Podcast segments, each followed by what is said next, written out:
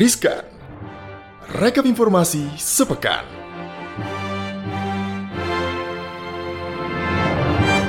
Selamat pagi, selamat siang, selamat sore, selamat malam, Sobat Cuan. Hai semuanya. Hai, ini ada gua Gibran. Dan gua Aneka Wijaya. Oke, kita udah siap nih menyampaikan sejumlah informasi yang menjadi sorotan sepanjang pekan ini dalam Riskan, rekap informasi sepekan. Sepekan. Ada informasi apa aja tuh, Aneka? Oke, pasti masih seputar PPKM yang ganti nama nih Gibran katanya jadi PPKM level 4 begitu ya dari Oke. PPKM darurat. nah ini eh, disampaikan sama Menteri Dalam Negeri Tito Karnavian tentang instruksi terbaru itu namanya PPKM berstatus level 4. Ini tuh juga kalau mau dilihat lebih rinci lagi udah di detail dalam instruksi Menteri Dalam Negeri nomor 22 tahun 2021 tentang pemberlakuan pembatasan kegiatan masyarakat level 4 COVID-19 di Jawa dan Bali. Isinya adalah, ini panjang nih Gibran, gimana kalau lo aja yang baca?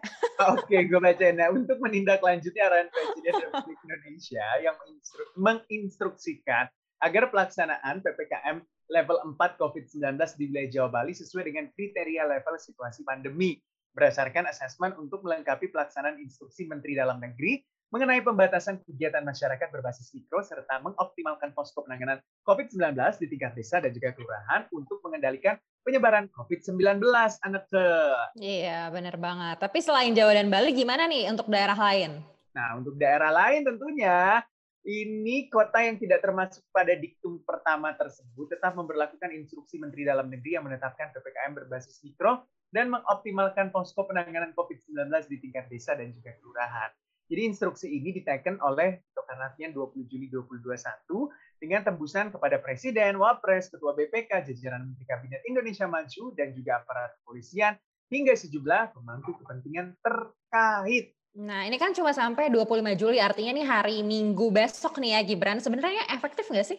Iya, kalau menurut kita lihat nih, epidemiolog bilang kalau misalnya COVID-19 itu di Indonesia sudah uh, bisa dikatakan gawat. Jadi PPKM level 4 itu selama seminggu itu nggak realistis untuk uh, diterapkan gitu. Jadi sejumlah epidemiolog memandang kalau misalnya PPKM level 4 bukan cara yang realistis untuk menurunkan angka kasus COVID-19 gitu anak. Jadi epidemiolog Iya, memang. University uh, di Budiman bilang kalau misalnya kondisi di Indonesia itu masih gawat, ppkm level 4 itu uh, bisa berjalan efektif untuk menurunkan kasus penularan cuma bila ada langkah yang ekstrim gitu katanya. Iya, dan juga direkomendasikan untuk meningkatkan 3T begitu ya katanya. Dan juga menurut dia PPKM darurat ini sudah berjalan sejak 3 sampai 20 Juli dan tidak efektif sama sekali untuk menurunkan kasus penularan COVID-19 gitu. Jadi balik lagi balik lagi ke 3T yang benar-benar harus ditingkatkan kalau menurut epidemiolog ya. Benar banget. Jadi uh, ada juga nih salah satu Dewan Pakar Ikatan Ahli Kesehatan Masyarakat Indonesia atau IAKMI Hermawan Saputra. Jadi menurut ia PPKM darurat itu sudah bisa uh, berjalan sejak 30 sampai 20 Juli. Jadi bisa dikatakan sebenarnya apa yang dilakukan oleh pemerintah ini uh, agak agak setengah hati gitu kan? Mhm, mhm, mhm. Kita lihat mungkin banyak video-video yang beredar di sosmed gitu ya yang agak kurang efektif juga karena uh, di sini disekat tapi di sebelah sana dibuka gitu kan. Jadi kan sebenarnya tinggal belok dikit aja lalu bisa ngelanjutin perjalanan. Tapi ya itu mungkin di beberapa tempat aja ya, nggak di semuanya sih. Benar banget. Tapi kalau bisa dikatakan PPKM dua minggu ke belakang ini apa ya banyak banget uh, kalau kita lihat di sosial media gitu kan uh, banyak yang mengeluh, apalagi para pedagang, uh, apalagi ya orang-orang yang memang menafkahi Freelancer. benar freelancer tuh yang punya apa ya pendapatan harian gitu ya. Jadi bergantung pada pendapatan harian itu sangat-sangat mengeluh gitu katanya ya.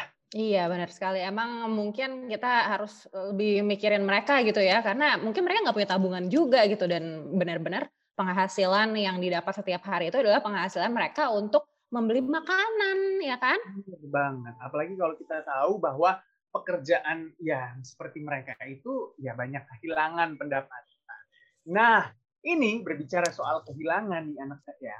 WHO itu bilang kalau sekarang itu tahap awal gelombang kematian, gitu katanya. Oh ngeri banget ya. Mm-mm. Jadi menurut Sekjen uh, Organisasi Kesehatan Dunia WHO Tedros Adhanom Ghebreyesus itu bilang kalau misalnya peringatan terbaru mengenai pandemi COVID-19 COVID-19 itu, jadi menurut Tedros saat ini tuh dunia sedang memasuki masa-masa awal gelombang infeksi corona dan juga kematian terbaru lainnya. Oh gitu. iya, dan dia juga menyebut banyak negara-negara miskin yang belum memperoleh vaksin yang cukup dan saat ini tuh masih juga berusaha untuk menangani pandemi dan nggak maksimal karena ya vaksinnya nggak ada udah terlanjur diambil sama negara-negara kaya gitu makanya dia meminta negara-negara yang punya akses vaksin berlebih untuk menyumbangkan vaksinnya ke negara-negara yang belum memiliki vaksin. Bener Nah ini diharapkan bisa membantu penanganan pandemi secara global gitu. Karena gimana pun kalau ada satu tempat yang belum bisa teratasi dengan baik tempat yang lainnya itu tetap terancam meskipun mereka punya vaksin yang berlebih ya kan? Jadi mendingan disalurin aja.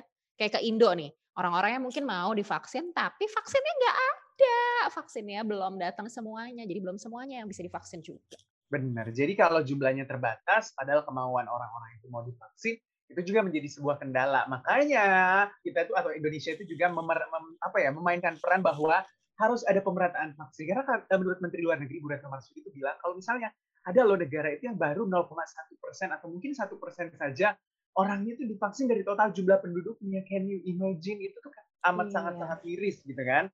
Iya benar dan untuk teman-teman yang mungkin udah punya akses untuk bisa dapat vaksin, udah deh jangan pakai pikir dua kali, jangan pakai Benar, banyak drama, udah langsung aja ambil jatah vaksinnya. Banyak loh orang yang mau divaksin tapi nggak bisa karena belum dapat akses. Mhm, apalagi kalau kita lihat sekarang nih kondisi Indonesia itu benar-benar amat sangat-sangat miris gitu kan di tengah angka COVID-19 yang uh, naik, terus misalnya ekonominya juga yang sangat tertekan, terus ditambah lagi tingkat kepercayaan negara-negara lain terhadap negara kita itu agak berkurang.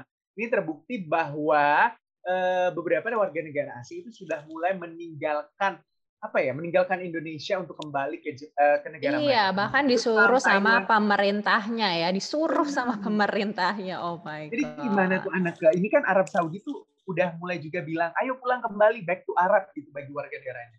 Iya, sebelumnya juga udah Jepang dan Taiwan begitu ya. Ini kalau di, kita lihat di Saudi Press Agency juga menyebut kalau wabah corona di Indonesia ini menjadi penyebab dia menarik warganya untuk kembali ke negaranya begitu ya. Dan mereka emang benar-benar khawatir terhadap keselamatan warganya begitu ya. Mengingat katanya di Republik Indonesia ini juga angkanya terus melonjak begitu ya. Jadi harus kembali lebih cepat ke kerajaan. Sebelumnya eh, Arab Saudi juga mengumumkan akan memperpanjang izin tinggal dan visa kunjungan bagi ekspatriat yang terdampar di luar negeri akibat pandemi. Begitu ya, setidaknya itu sampai Agustus 2021. Dan juga di negaranya sendiri dia juga udah melarang penerbangan internasional sejak Februari 2021.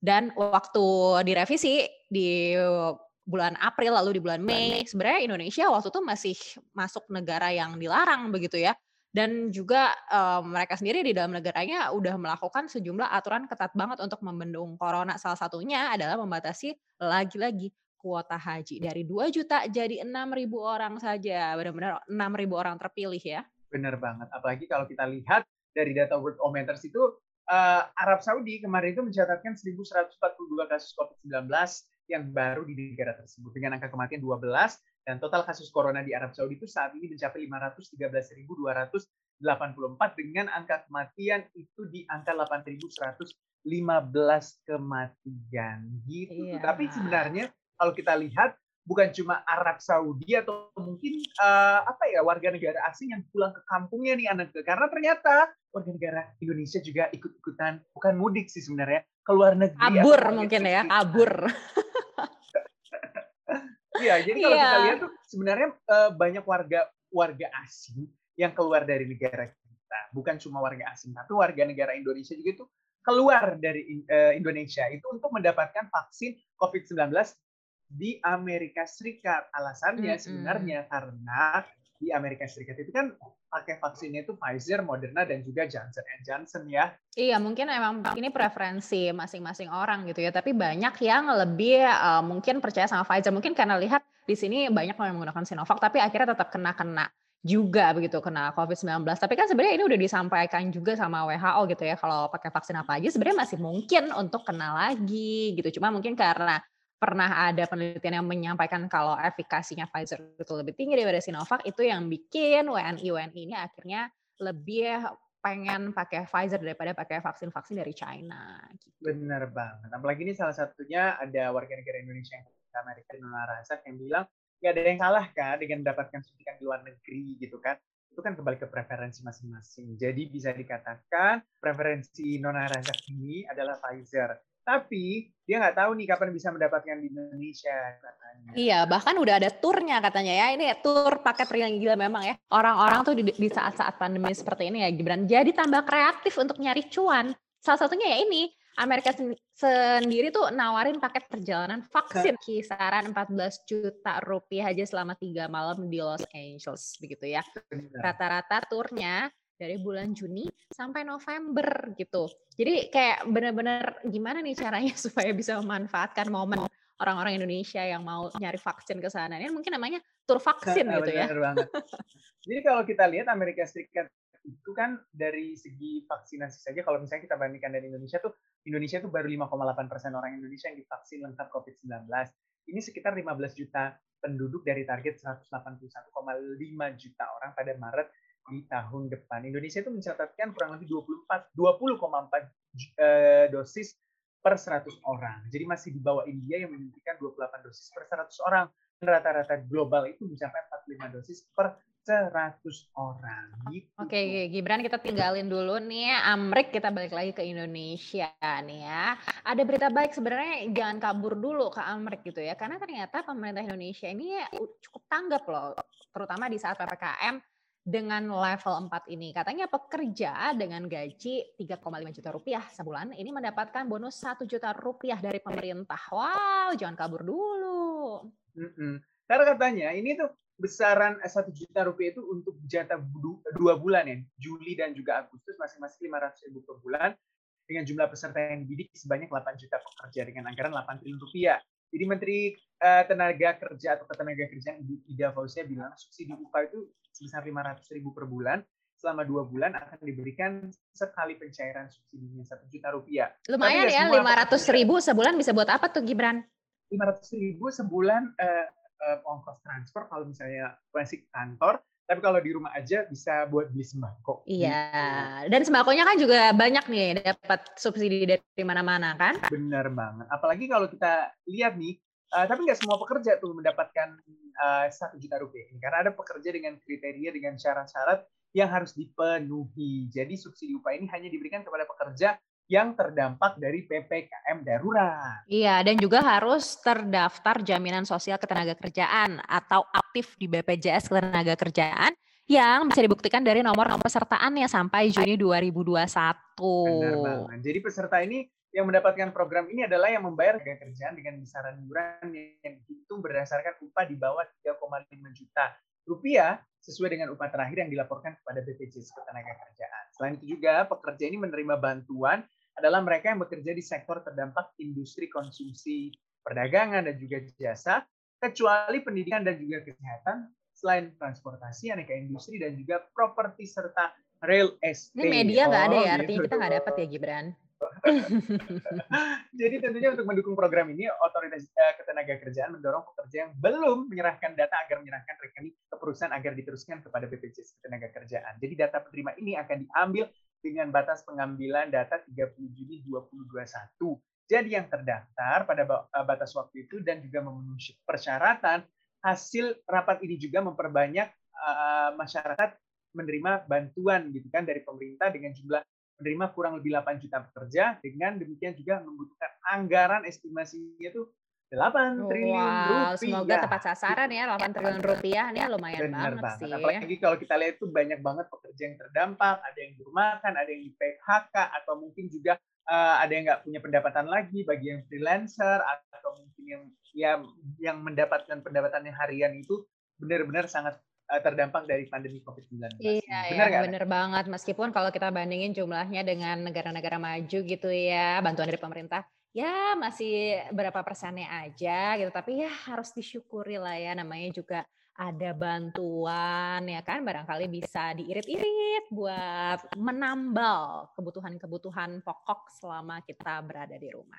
Benar banget. Itu dia Sobat Cuan yang menjadi informasi kita di sepanjang pekan ini semoga Sobat Cuan tercerahkan. Jangan lupa dengerin Cuap-Cuap Cuan di Spotify, Apple Podcast, dan juga Google Podcast. Jangan lupa juga follow akun Instagramnya di mana? Di @cuap underscore cuan dan juga di YouTube cuap cuap cuan. Oke, jangan lupa ya Sobat Cuan, pokoknya harus benar-benar dengerin dan juga menyimak informasi dari kita. Kita mau pamit dulu, Oke. gue Gibran. Dan gue Anaka Wijaya. Thank you udah dengerin Riskan. Rekap informasi sepekan. Bye-bye. Bye.